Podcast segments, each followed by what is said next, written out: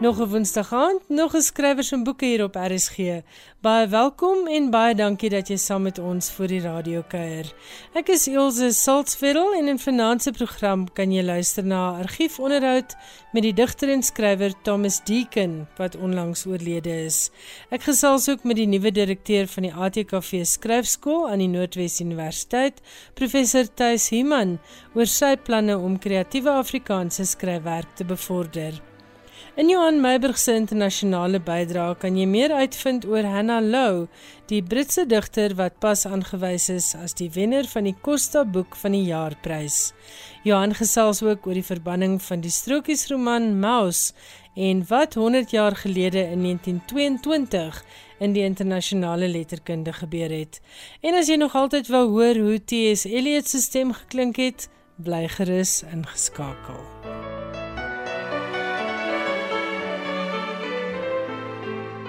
Thomas Deacon is op 4 Februarie 1942 in Appington gebore.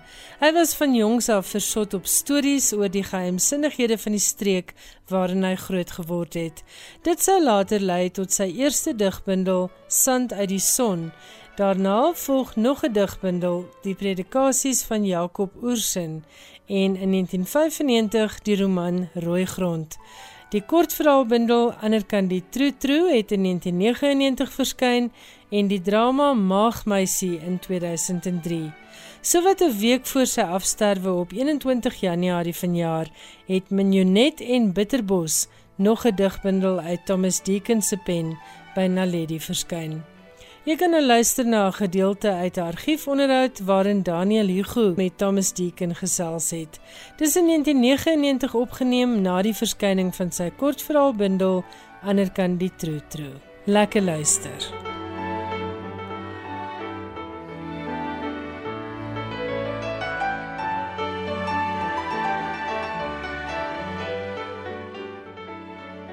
Jy is nou presies 10 jaar lank al 'n gepubliseerde skrywer. Dit is heeltemal reg. Jou eerste boek was 'n digbundel Sand uit die son net in 1989 verskyn. Reg. Waar het jou skrywery begin? Dit was ongeveer 1988 wat ek 'n baie traumatiese ondervinding gehad het, beleef het. En ek het in die hospitaal beland weens siekte. En terwyl ek daar lê en ek sien daar word 'n bordjie teen die deur opgehang, geen besoekers nie. Toe besluit ek ek sal iets in my lewe moet doen om afleiding afleiding te soek. En omdat ek altyd belang gestel het in skryf, ag maar so 'n bietjie geskryf altyd en dan stukkend geskeur en weggegooi. Het ek toe besluit maar ek kan hierdie talent van my begin gebruik. Maar is interessant en uh dit was 88 sê jy, toe was jy al 46 jaar oud as ek nou jou ouderdom mag verklap. So was ek al 46, ja, 1942 gebore of op die velle uitgeskit soos die mense nog partymal sê. Want baie mense sê nee, wat ek is nou al te oud om te begin. Ja, nee, ek glo nie daar is bestaan so iets nie. Jy is nooit te oud om te begin nie. In elk geval ek sê toe vir my vrou sy moet vir my papier en 'n pen bring en sy het dit toe gedoen en ek het so 'n bietjie begin dig. Toe ek nou uit die hospitaal ontslaan is, natuurlik vir 'n maand af siek, het ek maar geskryf, baie rusteloos. Uh op daardie stadium het ek nog op Appington gebly. En al hierdie werkies wat ek geskryf het, maar gebeere of weggegooi. En toe beland ek op Kuruman. Terloops waar ek 16 jaar gebly het en ek ontmoet toe vir Donald Rickert ook een van ons digters. Jy weet hy het natuurlik die Ingrid Jonker prys ontvang vir heuning uit die swart dak onder andere. En Donald sê toe vir my vriend hoekom publiseer jy nie? Dis sê ek maar Donald ek ek skryf maar net vir myself. Ek kan nie. Ek is ek voel onwaardig. En hy het toe hierdie werkies van my gevat hierdie gediggies en dit afgestuur na Tafelberg uitgewers toe en dit het in Petra Müller, Petra Greter se hande beland. En ek noem haar vandag nog die eystervrou. Ja. Sy het my gehelp, nie van die wal af in die sloot nie, van maar uit die sloot op die wal. As ek 'n klompie gedigte gestuur het, dan sê party hulle gestuur met 'n spotloodstreep deur, dan sê daar langs aan geskryf ag nee wat. Of party het sy een merkie bygegee, party twee merkies en sy het vir my gesê as as as ek twee merkies vir jou gee, dan kan jy maar werk aan die gedig. En uh so met verloop van tyd uh kon ek toe daarom 'n uh, klompie gedigte vir haar stuur om 'n bundeltjie te vorm. Dis dit toe geword sand uit die son. Dit toe geword sand uit die son. Uh bietjie baie kritiek gehad op die naam. Onder andere was daar gesê die gedigte is son vir die lippe, maar die naam is sand vir die tande. uh vir my was dit natuurlik 'n mooi naam, sand uit die son en ek meen wat geskryf is is geskryf, dis verby. En ek glo nie mense met jou so baie aan kritiek steur nie. Nou jy het geskryf in daardie gedigte oor die wêreld waar jy groot geword het. Die Noord-Kaap, Noord-Kaap, Oranje rivier, Oranje rivier Afrikaans. Jy het heel wat 'n nama afstammelinge wat langs die rivier nog woon. Ek dink nou aan Pella. Ek dink aan uh die Rigtersveld. Selfs op Appington het jy ook nog heel wat nama afstammelinge. En ek het maar gaan luister en afgeskryf. En hierdie spreektaal is vir my is vir my lieflik. Ek glo mos nie in 'n woordeboek nie. Kyk, 'n woordeboek is mos 'n dooie boek. Hy sê vir jou jy moet so praat en as jy so moet praat, dan moet jy so praat. Maar uh ek wil nou net vir jou een voorbeeld noem. Ons praat van 'n bed. Ek gaan lê op my bed. Nou daar is nog mense wat sê ek gaan lê op my kooikatel. Ja. Dis pragtig beskryf. Ja, ja. Jy kan hom hoor kraak. Jy kan hom hoor kraak, ja. of hy sê vir jou uh bring gou my jasbaadjie. Is is pragtige pragtige uitdrukkings. Ek het ek het nou die dag in die bank gestaan. Dis daar twee persone, hulle rede kabel so oor die prys van springbok vleis wat nou so duur is. Toe sê die een persoon uh jy weet wat kos springbok nou per kilogram? 10 rand. Toe sê die ander een, "Nee. Daai pryse is daarom vetterig." dis dis dis dis so mooi, dit is so mooi uh Ag ek glo nie jy kan dit beter sê nie, jy weet. Dit is dit is dit is so mooi uh, uh Wel Thomas, jy sal nou maak dat mense na Appington stroom as wildsvleis so goedkoop is daar. Ja, ek weet nie wat julle vir skaapvleis hier betaal nie. Veel meer as dit. ek dink 'n mens behoort seker 'n skaap te wees partymal as jy hier skaapvleis koop. Uh byvoorbeeld ek het ek het ek het nog een voorbeeld wat ek vir jou wil noem. Die persoon sê nie ek wil hierdie belofte van jou skriftelik hê nie. Hy sê ek wil 'n skriftelike brief hê. Mhm. Mm ja. So hy hy hy, hy wil dubbel seker maak ja. dat hy hierdie hierdie brief kry, hierdie belofte op skrif. Hy wil 'n skriftelike brief hê. Of of hulle praat nie van 'n ouditeur nie. Hulle praat van 'n geldkommandant. Pragtig, nê? Nee? Ja, dit is dit is ja, dit is net uitdrukkings wat jy by ons in die Noord-Kaap hoor. Jy sal dit nie hier hoor nie. Uh Iemand wat baie vinnig maar word. Sy sterre is besig om te smelt. Pragtig net daar nie. En die man wat so sê is Thomas Deeken. Die rede waarom hy vanmiddag hier is is omdat daar pas 'n kortverhaalbundel van hom verskyn het met die titel Anderkant die troe troe. Maar voor ons praat oor die troe troe, kom ons praat eers oor riem vasmaak. In hierdie verhalebundel van jou is daar ook 'n verhaal wat daar, op riem vasmaak afspeel. Daar is 'n verhaal. En daarin verwys jy ook na die politieke geskiedenis van Riem vasmaak. Kan jy dit dalk net so net so skuins weg? Ja. Wat is die agtergrond? Uh kyk, hierdie mense het maar al die jare daar gebly en soos jy weet het Riem vasmaak mos maar 'n militêre basis geword. En hulle is verskuif. Baie van hulle is soos wat hulle nou nog sê Duits Wes-Afrika toe verskuif. Waarom? Omdat hulle namas was. Ja ja, hulle hulle moes teruggaan, né? Nee. En uh toe het ek daar eendag lekker gaan sit en gesels met 'n ou Nama vrou. En weet jy terwyl sy vir my vertel het wat hulle alles moes deurmaak terwyl hulle daar weggeneem was.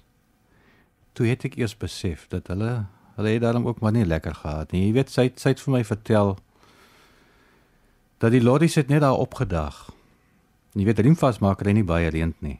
Baie baie weinig reënd. Die reën val mos daar 2 voet uitmekaar uit. Toe sê sy vir my die lorries het net daar opgedaag en die manne het vir hulle gesê julle moet klim. Maar waarheen gaan ons dan nou? Nee, ons vat julle nou Duits Wes toe, julle gaan nou daar bly. En al hulle besittingkies wat hulle kon bymekaar maak is maar net op die lorries gepak en hulle moes ry. Ja, dit was nou die harteloosheid van die vorige regering. Ja, en terwyl hulle so gery het, het daar so sagte reënbuitjie uitgesak, so 'n dou reentjie. En hierdie ander namaatjie het vir my gesê, ek het so na my moeder gekyk en ek kon nie uitmaak of dit die reën was en of dit die trane was nie. Maar dit het nou gelukkig uiteinde die mense is nou weer terug op Rimvas. Hulle is terug, maar die omstandighede is maar ook nog haaglik. Alles wat hulle gehad het is is verlore. Hulle kon amper niks saam terugbring nie. Hulle hulle lewe baie karige bestaan. 'n Bok hier en 'n bok daar. So ek weet nie wat hulle gaan doen nie. Ek is nie 'n politikus nie. Uh iets sal seker moet gebeur om die mense weer op hulle voete te sit, te plaas. Maar wat ek vir jou kan sê Daniel is dat daar is 'n onuitputbare bron van Afrikaans. Ja, ek wou sê ons ja, te. Ons praat nou van Nama mense, maar hulle moedertaal is deesdae Afrikaans. Ja, hulle hulle praat Afrikaans. Oranje veel Afrikaans, maar daar is van hulle wat nog baie goed Nama ook kan praat. Dit is is ook 'n mooi taal as jy luister na die klanke daarvan. Maar die Afrikaans wat hulle gebruik is is vir my so beskrywend. Want as jy in die natuur groot geword het, dan glo ek nie jy gaan van 'n woordeboek gebruik maak as jy 'n uitdrukking wil gebruik nie. Jy gaan dit gebruik soos wat dit van geslag tot geslag uit die veld uit oorgedra is na jou toe. Nou uh, dit is dan wonderlik dat daar iemand soos jy is wat die taal opteken in die vorm van gedigte en verhale. Daar's natuurlik ook 'n uh, ander skrywer wat onlangs gedebuteer het, Elias Nel, Gelees Wat- van hom. wat oor boek dieselfde omgewing skryf. baie mooi. verneukpan, hè. En wat vir Iets my goeds uit verneukpan. Ja, met 'n vraagteken. nou wat vir my opval is dat julle oor baie dieselfde temas skryf, nie net dieselfde taal gebruik nie, maar ook dieselfde temas en dit het te doen met die kennis van die natuur en met volkskunde, volksgeneeskunde, volksgelowe. Ja. Kom ons keer terug na jou kinderjare. Jy's gebore op Appington. Appington gebore terwyl die sandstrate nog barrel gelê het op Appington. Daar was net een ou teerstraatjie gewees 1942. Jy was nie die enigste kind nie. Nee, ons was sewe kinders gewees waarvan vyf nog op die oomblik lewe. En wat het jou pa gedoen? My pa was 'n uh, winkelbestuurder en 'n reisiger vir 38 jaar vir 'n sekere firma gewerk. Uh baie gereis. Uh en as kind het ons maar altyd saam met hom gery. En nou het jy nie ook later self gereis nie. Ek het toe by 'n uh, baie groot klereverskaffer aangesluit. 'n Interne opleiding gekry in ouditkunde. En uh het toe vir 20 jaar gereis. Net soos jou pa. Net soos my pa, alhoewel hy baie langer gereis het. Dit was vir my wonderlik geweest om van dorp tot dorp te reis en om by die eenvoudigste ou plekkie in te gaan. Net om te gaan luister hoe daardie mense praat. En ek het my ore gespits. Jy moet jou ore gedurig spits. Jy moet jy moet jou mond toe hou en jou ore moet jy oopmaak. En het jy dan neergeskryf of hoe? Ek het maar gedurig uh notaatjies gemaak en dit maar so in my sak gesit en dan my in my kar gebeere en dan uitgehaal en dan maar gaan gebruik. Baie van die uh dinge ongelukkig nie opgeteken nie. Maar ek onthou dit gelukkig baie goed. Uh heelwat bandopnames gemaak van van gesprekke met mense. Uh Springbok, uh Rimfasmark, Bella, Appington, Priska, Griquastad, al daai plekke. Ek bære dit maar. Miskien kan die nageslag dit eendag gebruik.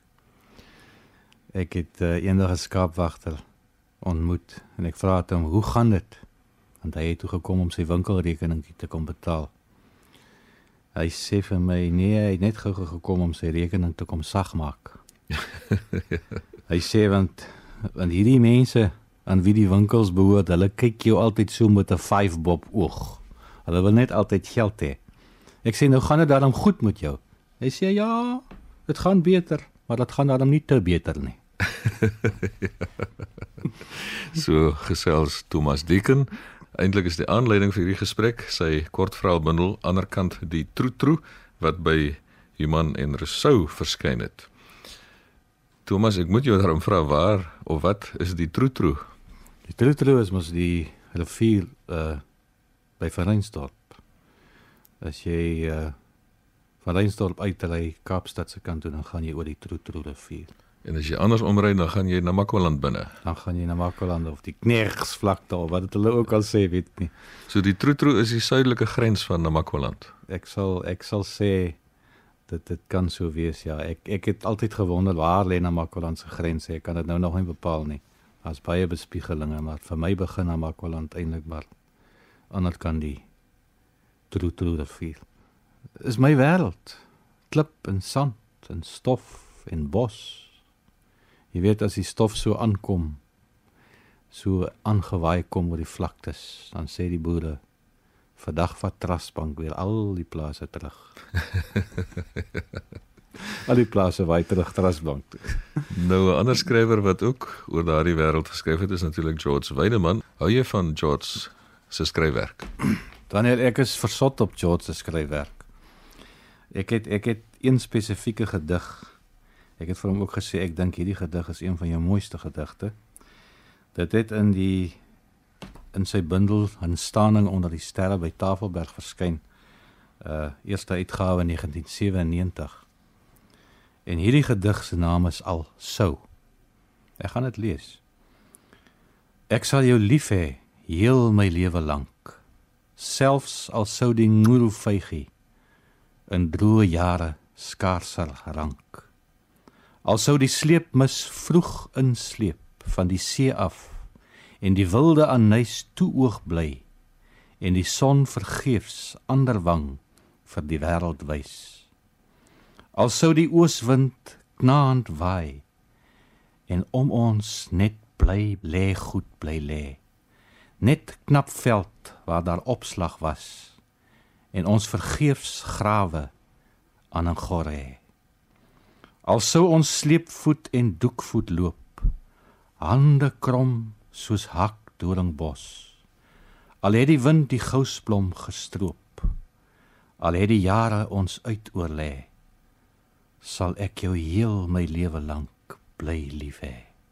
Dis vir my fantastiese gedig wat Josie geskryf het. Wat is bly lê goed? Dit kan uh, gedurende droontye skape wees wat nie verder kan trek nie wat maar len doodgaan. Ja Thomas, jy's 'n besonder loyale skrywer wat ander mense se gedigte voorlees. Wil jy nie een of twee van jou eie gedigte voorlees nie? Uh, jy het mos daarom twee bundels Sand uit die son van 1989 en die predikasies van Jakob Oorson van 1993. Ek het al twee bundels hierso. Dankie.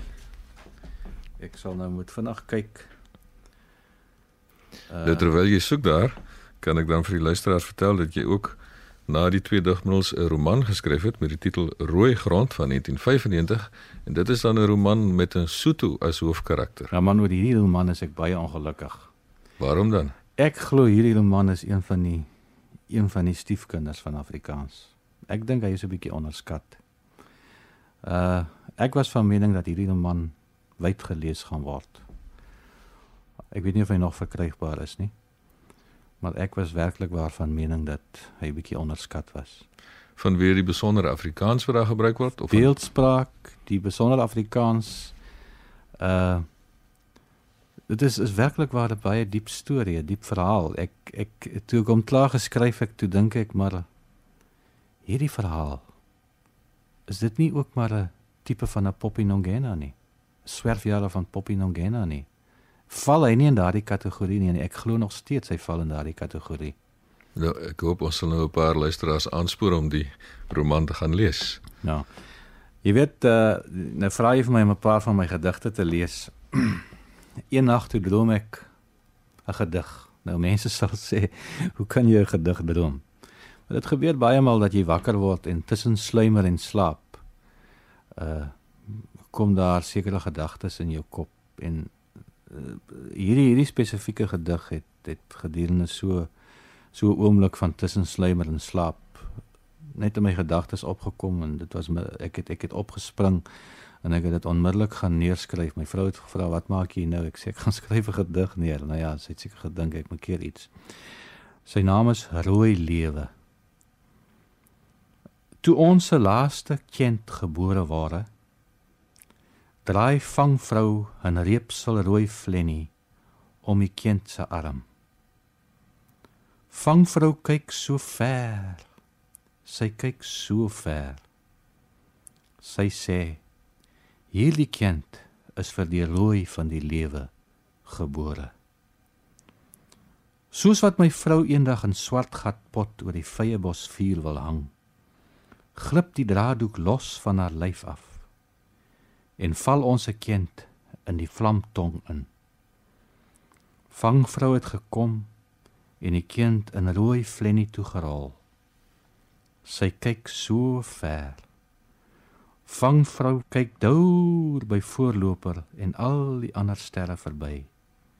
Sy sê: "Hierdie kind was vir die rooi van die lewe gebore."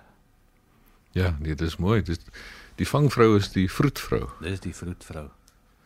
En voorloper, die ster. Voorloper is die ster. Dis dit die uh, oggendster of Oggendster. Ja, ja. Dis die oggendster. Uh uit my digbundel die predikasies van Jakob Oorson het ek 'n uh, gedig met die naam van So verby. Teen so verby se kammetjies berg het jou loslit lyf my hart geterg. Soos die koggelgeit teen die swart kliprand as die rooi gat son op die sandpad brand. Hoe het my hart na jou lyf gevry teen die kammetjies rand by so verby. Soos die koggelgeit na die Boesmanland, soos die rooi gat son na die swart bergrand. Teen so verby se kammetjies rand het jou hart kamalilies in my lyf beland. Soos die koggelson in die kamberg sink, soos die raasgat geit deur die klipskeur hink. Nou die geit is die geitjie. Uh die raasgat geit. die raasgat. Is dit die gecko? Die, die gecko ja. Ja. Die gecko. Dan wil ek net nog enetjie lees, uh vergeet my nie. Was jy al op Koegrabie as die swart kraai swart deur die droog lug vlie? Het jy al gebid en gesug as 'n plat pramwolk deur die lug wegvlug? Kom luister hier op Koegrabie hoe die reënvoël roep. Vergeet my nie. Dan dis mooi. Dis mooi. Dit vra natuurlik om getoonset te word. Het so iets nog nie gebeur nie. Nog nie gebeur nie. Weet nie of dit sal gebeur nie. As dit op my pad langs kom, pragtig. Iemand moet dit net seker raak sien. Thomas, dis opvallend dat jy hoofsaaklik skryf in Oranje rivier Afrikaans. Het jy al ooit probeer om kom ons sê maar standaard Afrikaans te skryf? Uh die roman wat ek nou gaan skryf, wat ek begin het, wat ek mee besig is, gaan standaard Afrikaans wees. Kan jy nog? Ek kan. kan 'n man dan nie. nee, ek kan. Maar Oranje rivier Afrikaans is ook nie 'n een eenvormige taal nie. Daar's tog verskillende verskyningsforme daarvan. Verskillende verskyningsforme. Uh dit is so dat dit dit ongelukkig besig is om uit te sterf. As jy kyk na jou bevolking in Namakwaland, jy luister na na hulle dan praat hulle suiwer Afrikaans, die meeste van hulle. Dit is dit is vir my al asof dit heeltemal besig is om uit te sterf. En daarom glo ek maar net dit moet opgeteken word. Ek meen die nageslag, dit is baie belangrik vir die nageslag om om hierdie mooi beeldspraak te kan oplees. Dit moet bewaar word vir die nageslag. En uh nou ja, ek is natuurlik nou Thomas Deacon, die Afrikaanse naam en die Engelse van. Nou my oupa uh van Rooyen was ook Thomas. Nou dis nog ongelukkig baie lank die name Thomas, Johannes, Matthys, Deacon. En ek was natuurlik op skool baie gespot en aangeval oor hierdie Engelse van en die uh Afrikaanse name het vir my sommer gesê Tom, Tommy Deacon. deken. Ek was sommer deken gewees op skool. Nou ja, uh my oupa, ek glo die die die die talent kom van my van my ma se kant af, van my oupa se kant af. Ek het ongelukkig my my oupa van Rooyen baie min gesien. Maar die tye wanneer ek hom wel gesien het, het hy my op sy skoot getel. Dan het hy vir my gesê: "Thomas, Johannes, Matthys, die paling se zoon, die krap se familie en die para se oom." Jy weet, so het hy vir my al sulke gediggies gemaak en en ek dink my oupa was tog as ek meen hy het ons nou nie die geleentheid gehad 1920 1930 om te dig nie. Hulle was mos maar nie uh baie geleerd nie, ook maar net 'n bietjie skaap gehad, 'n bietjie bees gehad op klein plasies en ook maar uitgeroei gedurende die uh oorlog. Maar ek dink dit kom van van sy kant af. Nou die soort Afrikaans wat jy wat jy gebruik in jou boeke, die Oranje rivier Afrikaans, is dit nie in 'n sekere mate kunsmatig nie dat jy al die eienaardighede kondenseer in so 'n verhaal of in 'n gedig. Uh as jy as jy nou werklik gaan luister wanneer iemand vir jou vertel, 'n verhaal vertel. Uh gebeur dit dat daar baie meer sulke uitdrukkings uh te voorskyn kom. Ek meen om nou 'n verhaal te gaan skryf en om nou al daardie tipe van uitdrukkings in hom uh in te werk gaan gaan gaan gaan die verhaal onleesbaar maak. So daarom het ek baie uitgesny. So dis eintlik die teenoorgestelde. Ja, dit Jy het dit afgewater. Vir my is dit dit is dit die teenoorgestelde. Nou uh, baie van hierdie verhale wat ek geskryf het in ander kan die true true is natuurlik uh wel uh die nagevolg van een sin wat ek gehoor het by iemand van een gedagte wat in my uh kop opgekom het. As 'n verhaal mondelings aan jou meegedeel word dan ek meen uh jy kan dit nie so gaan neerskryf nie. Uh dit dit gaan eentonig wees, dit gaan saai wees en ek meen as iemand vir my iets baie interessants vertel en daar's net een sin wat my raak, dan ry ek met my kar en die en die verhaal verskyn in my in my in my brein, in my kop en ek gaan sit en ek skryf hom neer. Nou wat was die begin van die bundel? Die begin van hierdie bundel was 'n babbejaantjie verseën nie Ja. van die uh pa wat vir sy seun 'n babbejaantjie gaan soek het. Die seentjie het vir jare en hy wou gra- wou graag 'n klein babbejaantjie gehad het. En hy het toe met sy eselskarretjie afgesit groter rivier toe om die om 'n babbejaantjie te gaan soek en wat toe nou gebeur het. Ek wil nou nie die storie vertel nie. Mense moet dit maar koop en lees. Natuurlik. Dit was die begin. Uh en dan dink ek aan 'n aan 'n verhaal soos 'n Rigterveld se riller. Ek het na aanleiding van een een sinnetjie het ek hierdie verhaal geskryf. Dit het net eenvoudig gevloei. Ek meen dat dit is dit is snert om te sê dat dat dat jy kan gaan sit en 'n verhaal skryf en hy's perfek. Vir my is skryf uh nogal 'n harde werk, maar omdat dit my stokperdjie is, is dit vir my is dit vir my baie lekker. Dit gee vir my gemoedsrus. Jy weet, party van hierdie verhale skryf ek tot 7, 8 maal oor. Jy skryf hom vanaand en môre dan dink jy nou is hy perfek. Môreoggend dan lees jy hom weer en dink jy nee, wat het jy nou hier geskryf? Dan skryf jy maar weer vanaand oor. Dit is eintlik baie harde werk. Is ook 'n goeie raad wat ek vir voornemende skrywers kan gee.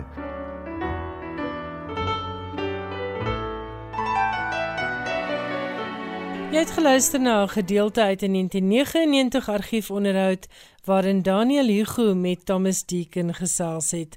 Baie dankie aan Karen de Tooy van ons argiefdienste wat vir my hierdie onderhoud opgespoor het en my innige meegevoel aan Thomas Deacon se vrou, familie en vriende. As jy sopas die radio aangeskakel het, jy luister na RSG en hierdie is skrywers en boeke. Ek is Elsje Salzwetel en nou gaan ek gesels met professor Thys Heeman wat vanaf die begin van 2022 die direkteurstoel van die ATKV skryfskool aan die Noordwes Universiteit beklee. Thys baie geluk met jou aanstelling daar by die ATKV skryfskool aan die Noordwes Universiteit. Jy het so half met 'n ompad in die Afrikaanse letterkunde beland. Vertel vir ons hoe het dit gebeur? Ek het na matriek regte gaan studeer, maar ek het baie gou agtergekom dat dit nie regtig is wat ek wil doen nie. Uh die regte was vir my heeltemal te reg of verkeerd. te swart of wit. En toe ek die eerste keer in Johan Joel se letterkunde klas nog destyds by RAI ingestap het, het ek besef dat daar die wonderlikste skakerings van grys in die letterkunde bestaan. En dit is iets wat my aangetrek het en ek het geweet dat ek aan die begin staan van 'n lewenslange bemoeienis. Toe ek die taalkunde klasse van Prof Willem Botha, veral sy klasse oor um, semantiek, maar ook sintaksis bygewoon het, toe toe was ek cool eintlik maar deur die kerk. Ek het my BA personeel bestuur graad klaar gemaak. Ek het selfs 'n honeurs daarin gedoen, maar ek het altyd geweet dat ek in die Afrikaanse letterkunde gaan eindig en ek is baie baie bevoorreg dat dit wel die geval was dat ek in 1999 nog by die destydse RAI aangestel is en dat ek vir 'n hele paar jaar daar selfs toe dit later die Universiteit van Johannesburg geword het Afrikaans kon doseer. Ek was geweldig gelukkig by die Universiteit van Johannesburg, maar ek het toe in 2013 ehm um, die geleentheid aanvaar om ook uh, letterkunde hier in Potchefstroom aan die Universiteit van Noordwes te kom ehm um, doseer en ek is nog steeds besig om dit te doen met uh, die fokus veral op prosa en drama die afgelope 2 jaar ook aanlyn. Toertjies wat ek nie gedink het 'n ou hond sal kan aanleer nie. Skryfkuns is nie 'n vakgebied waarin ek opgelei is nie. Ek is ook nie 'n skrywer nie, nie 'n kreatiewe skrywer nie. Ek sou wou hoop dat ehm um, die skryf van resensies en meningsstukke, selfs ehm um, akademiese artikels 'n mate van kreatiwiteit behels. Maar ek is nou nie 'n gepubliseerde skrywer nie en dit laat die wenkbroue dalk lig dat iemand wat nie skryf nie, die direkteur van 'n skryfskool is. Maar gelukkig troos ek my daaraan dat 'n mens nie hoef te kan skrywe om iemand anders te kan help om te skryf nie, om sy eie of haar eie skryfvaardighede te verbeter nie. Ek sien my rol as skryfskooldirekteur eerder om aspirant skrywers, mense met 'n belangstelling in skryfwerk, 'n passie vir skryfwerk, uiteindelik op die beste moontlike manier in kontak te bring met skrywers, kundiges wat hulle optimaal sal kan help om daardie vaardighede aan te leer. En as 'n klein bietjie daarvan van my kant af kan kom, wonderlik, maar ek neem nie daardie verantwoordelikheid ten volle op myself nie. Ek is daarin betrokke by manuskripkeerwerk en manuskripontwikkeling. Het 'n groot belangstelling in skryfkuns, die ontwikkeling van skryfvaardighede en um, in daardie opsig hoop ek dat ek wel 'n baie waardevolle bydrae sal kan lewer. Wat is jou visie vir die ATKV skryfskool? Ja, so aan die begin van 'n mens se direkteurskap is dit natuurlik baie maklik om vreeslik ambisieus uit te wy oor jou visie vir die skryfskool. Maar ek gaan myself maan om 'n klein bietjie meer nugter te wees en ek ek dink ek gaan sê dat 'n visie vir die ATKV skryfskool is om voort te bou op die goeie werk wat reeds gedoen is en om die breë Afrikaanse taalgemeenskap spesifiek dan nou die aspirant skrywers in daardie gemeenskap, mense met 'n belangstelling in taal en 'n skierigheid in die ontwikkeling van hulle kreatiewe skryfvaardighede te bedien. Daar is vandag verskriklik baie skryfskole en skryfkursusse beskikbaar. Plaaslik, internasionaal. Maar ek dink dit is belangrik dat aspirant skrywers wat byvoorbeeld nie kan bekostig finansiëel tydsgewys of andersins om byvoorbeeld 'n skryfskool in die Kruger Wildtuin of op 'n eiland of aan die ooskus van Afrika by te woon nie ook toegang tot gehalte skryfskoolonderrig behoort te kry en dis 'n bydrae wat die ATKV skryfskool hopelik gaan kan lewer. Ek sal ook graag wil sien dat 'n mens jonger skrywers en vroeër begin oplei. Met ander woorde, ook skryfkursusse spesifiek geteken op skoolkinders. Daar's ongelooflike onderwysers in in Afrikaans onderwysers in hierdie land wat werklik waar 'n uh, 'n passie en 'n toewyding het, maar nie altyd die tyd het om elke kind se skryfvaardighede te ontwikkel nie. En ek dink dis iets wat die ATKV skryfskool ook kan doen en daarmee saam ook miskien 'n klein bietjie meer fokus op die ontwikkeling van skryfwerk vir jonger lesers. Uh kinderlesers, tienerlesers, jeuglesers. Ek dink dit is basies die die hoof fokus wat ek op hierdie stadium wil identifiseer. Ek gesels met professor Thys Heman, nuwe direkteur van die ATKV skryfskool aan die Noordwes Universiteit. Nou Thys, die groot vraag wat lesers en luisteraars dikwels het, is dit: Hoe werk 'n skryfskool? En kan jy regtig mense leer skryf of moet die persoon darm talent hê? Nou in die eerste plek dink ek is dit geweldig moeilik om daardie talent te identifiseer van binne of van buite. Ek bedoel gewoonlik kan jy self nie oordeel oor jou skryftalent nie en ander is ook nie altyd die heel beste maatstaf nie. Ek wil eerder glo dat skryfwerk 'n vaardigheid is, dat dit 'n tipe dissipline is. Daar's soveel skrywers wat sê gaan sit net op jou agtersteewe agter 'n tikmasjien of jou rekenaar en skryf. En soos alle ander vaardighede dink ek dat 'n skryfskool of 'n slypskool by kan dra om daardie vaardigheid, daardie ehm um, daardie belangstelling te slyp. Dit beteken natuurlik nie dat die deelnemers aan 'n skryfskool na afloop daarvan almal op dieselfde vlak van skryfvaardigheid gaan wees nie. Nie almal gaan ewe skielik 'n publiseerbare manuskrip hê nie. Maar hopelik sal elke kursusganger kan terugkyk en kan sê ek het my skryfvaardighede ontwikkel. Ek het ek het iets geleer van die dissipline van skrywerskap. En daarom wil ek mense uitnooi, enige iemand wat uiteindelik voel dat hulle hulle stories wil vertel, dat hulle 'n nuuskierigheid en 'n passie het oor hoe die taal werk, dat hulle graag wil skrywe om vir hierdie kursusse in te skrywe of dan uiteindelik ook met voorstelle te kom van slypskole wat deur die ATKV skryfskool aangebied kan word. En hoe lyk die ATKV skryfskool se planne vir 2022? Is daar enige skryfskole waaroor jy nou al met luisteraars kan gesels?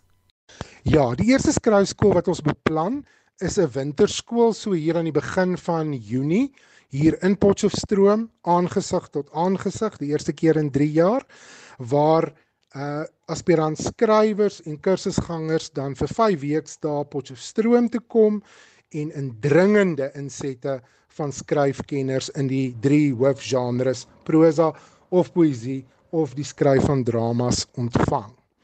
Ehm um, dit is altyd 'n uh, 'n baie lekker kursus wat ehm um, aan die een kant baie sterk gefokus is op die aanleer van skryfvaardighede, maar aan die ander kant ook aspirant skrywers met mekaar in kontak bring. Um, en op daardie wyse uiteindelik ook jy weet wat sosiale netwerke betref ook 'n 'n 'n lekker kursus om by te woon. Later in die jaar is daar 'n lenteskool nou met die weer wat ons deesdae het. Um, moet 'n mens baie versigtig wees om net in terme van seisoene te praat. Dit sal so in September wees, is daar dan spesifiek 'n uh, skryfskool gemik of gefokus op die skryf van romantiese ontspanningsfiksie. Ehm um, romanses, liefdesromans en dit word aangebied deur 'n uh, baie bevoegde, baie bekwame en baie passievolle ehm um, skrywers in die genre.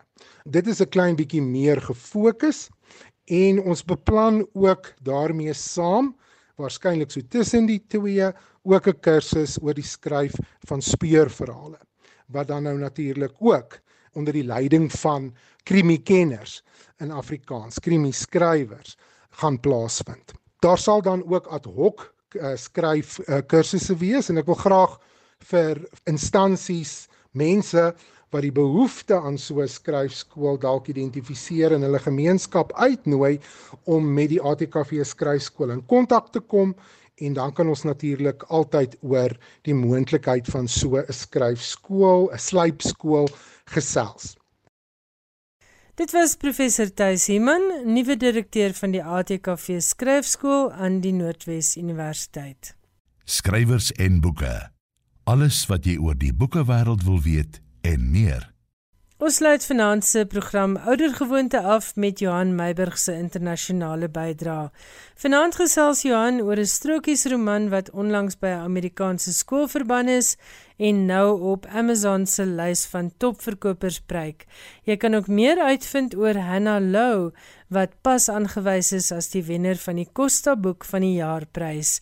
Dan kyk Johan ook terug na die jaar 1922 en wat dit alles opgelewer het in die internasionale letterkunde.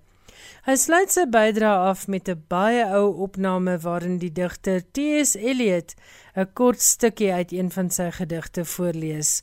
Geniet hierdie bydrae. Die herrie in die FSA oor Art Spiegelman se grafiese roman Mouse het daartoe gelei dat The Complete Mouse verlede week die tweede op Amazon se lys van topverkopers was. Eerste in die geskiedeniskategorie en eerste in die kategorie vir geskiedenis oor die Tweede Wêreldoorlog. Maus is in 1986 gepubliseer en in die roman beskryf en verbeeld Spiegelman die ervaring van sy ouers in Auschwitz en sy ma se selfmoord toe Spiegelman 20 jaar oud was. In die grafiese roman word die Jode as muise voorgestel en die Nazis as katte. Spiegelman het die Pulitzerprys in 1992 gekry vir Maus. Die ere het gekom nadat 'n skoolraad in die Amerikaanse deelstaat Tennessee besluit het die boek oor die lot van Poolse Jode wat die konsentrasiekampe oorleef het, moet uit die graad 8 taalkurrikulum verwyder word op grond van godslastering en naaktheid. Ons behoort nie die soort goed te bevorder nie, het een van die skoolraadslede aangevoer. Oor die 6 miljoen Jode wat as gevolg van nazi-vervolging gesterf het, het hy gesê: "Ek ontken nie dat dit verskriklik wreed en gevoelloos was nie." Nog 'n lid van die skoolraad het gesê: "As jy kinders wil indoktrineer, is dit hoe jy dit doen." Jy plaas die soort goed in die kantlyn sodat ouers dit nie vang nie, maar die kinders dit verorber. Ek dink ons moet die hele kurrikulum weer in oënskou neem, het hy gesê. Die 73-jarige Spiegelman het in reaksie op die hele affære gesê hy is uit die veld geslaan en bygevoeg dat die skoolraad Orwelliaans optree. Hy het ook gesê hy vermoed die besware is gemik teen die onderwerp van die boek. Die prent wat geopper is as onbetaamlik is 'n tekening van sy ma. Scott Denham, professor aan die North Carolina College, het aangebied om gratis aanlyn lesings vir die graad 8 leerders aan die betrokke skool aan te bied om Maus nie net saam met hulle te lees nie, maar die konteks ook te verduidelik. Intussen berig die Amerikaanse tydskrif The Atlantic dat soveel as 800 boeke in skoolbiblioteke in Texas op 'n rooi lys geplaas is. Die tydskrif voer aan dat die neiging in die naam van die beskerming van kinders jong mense juis onkundig laat oor die wêreld en wat daaraan aangaan. Onder die boeke in skoolbiblioteke wat die meeste teenstand kry, of wat gewoon verwyder word tel To Kill a Mockingbird van Harper Lee The Handmaid's Tale van Margaret Atwood The Bluest Eye van Toni Morrison His Dark Materials van Philip Pullman en All Boys Aren't Blue van George M. Johnson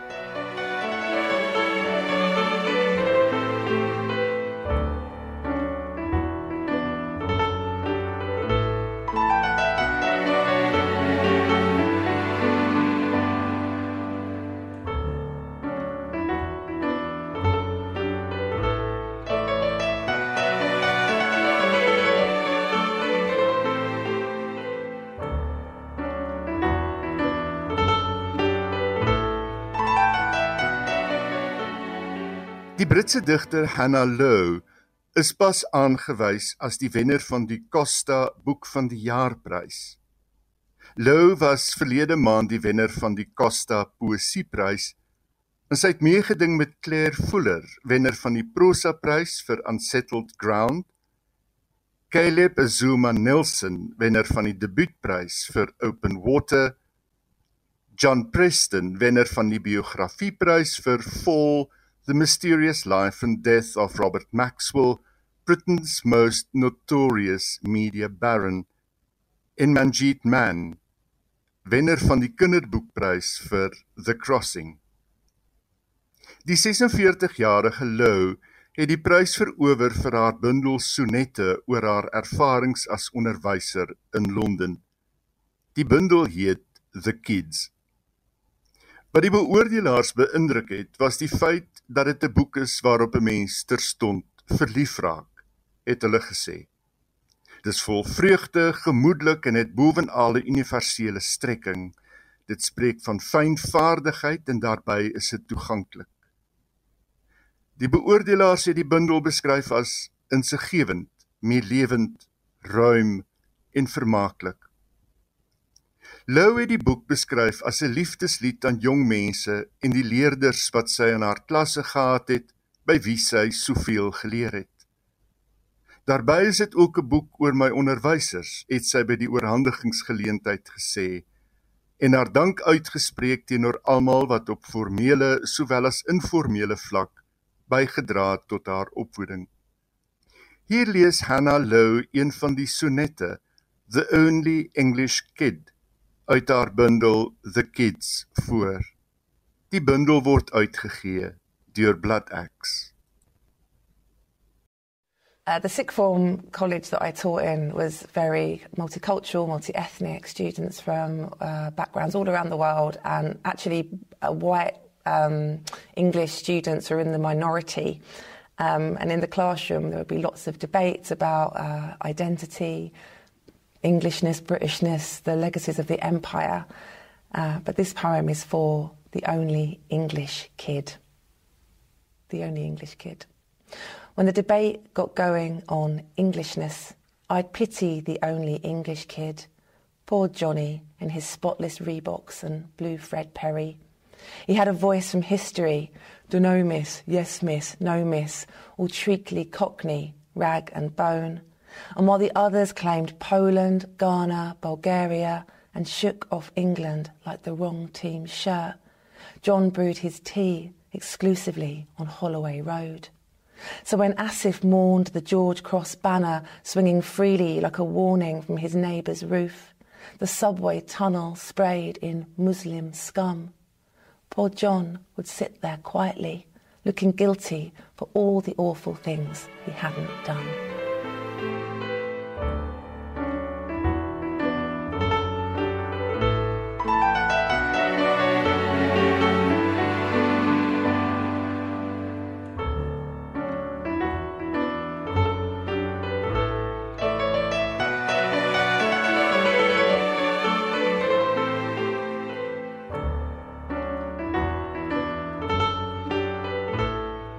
'n Mens is geneig om kortsigtig ons eie tyd as so uiters beproewend te betrag. Daar is 'n vrotsige ekonomie wat ons almal swaar laat trek en dan is daar die voortsleepende COVID-19 pandemie. Maar 100 jaar gelede was dit nie veel makliker nie. 1922 was kort na die Eerste Wêreldoorlog en die verwoestende Spaanse griep wat die lewe van miljoene geëis het. Letterkunde om die dissipline in die kunste uit te sonder is ten diepste antwoord wat skrywers en digters aanbied op die samelewing waarin hulle lewe op die onvermydelike, die onbeheerbare en die onvoorspelbare. En dan het 1922 van die voortreffelikste letterkunde opgelewer. Verlede week is James Joyce se Ulysses reeds genoem die roman wat beskryf word as 'n baanbreker vir moderne letterkunde. Maar 1922 was ook die jaar waarin The Wasteland van T.S. Eliot verskyn het. In dieselfde jaar het die Amerikaanse skrywer Sinclair Lewis se satiriese roman Babbitt verskyn. 'n Roman waarin hy Amerikaanse kultuur, middelklas bestaan en die druk van die gemeenskap om te konformeer beskryf.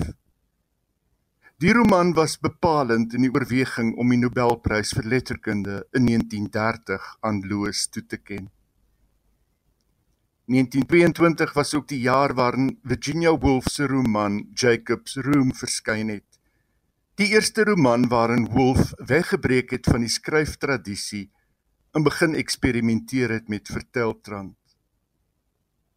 Om die kort lys uit aansienlike bydraes mee af te sluit, 1922 was ook die jaar waarin die Franse digter en dramaturg Jean Cocteau se Antigone aangebied is in Parys met stelontwerp deur Pablo Picasso musiek deur Arthur Honegger in kostuums deur Coco Chanel kom ons luister ten slotte na T.S. Eliot wat die eerste paar lyne uit The Burial of the Dead uit The Wasteland voorlees April is the cruelest month, breeding lilacs out of the dead land, mixing memory and desire, stirring dull roots with spring rain. Winter kept us warm, covering earth in forgetful snow, feeding a little life with dried tubers. Summer surprised us, coming over the Starnberger See with a shower of rain.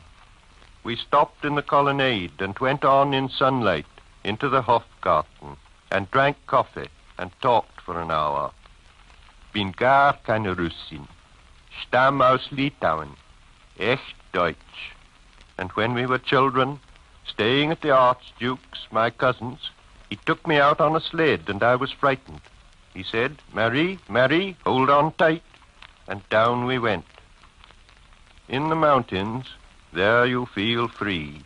I read much of the night and go south in the winter.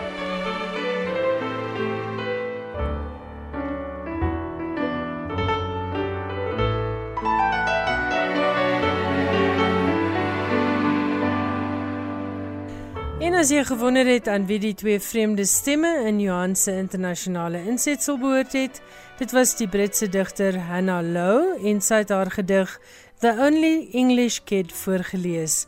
En dan was dit die digter T.S. Eliot wat 'n gedeelte voorgeles het uit sy gedig The Burial of the Dead. En dit kom uit The Wasteland. Baie dankie aan Meiburg, 'n heerlike bydrae soos altyd. Nou dit weer tyd geword om te groet, maar volgende Woensdag aand kan jy luister na 'n baie spesiale skrywers en boeke. Ek gaan in Kaapstad gesels met die bekroonde romansier en geskiedskrywer Dan Sley en ons gaan gesels ter bekendstelling van sy nuutste boek Retourvloot. Dis 'n nuwe fiksieboek gebaseer op 'n nuut ontdekte skeepsjoernaal en soos die titel aandui, handel dit oor die VOC retourvlootstelsel wat die wêreld verander het tussen 1602 en 1795. Maar ek en Dan Sley gaan nie net geskiedenis gesels nie. Ons gaan ook gesels oor sy lewe as skrywer en ook natuurlik oor sy baie baie bekende romans. Tot volgende week dan, totsiens en ek wens vir jou 'n mooi en veilige week toe met baie wonderlike boeke. Totsiens.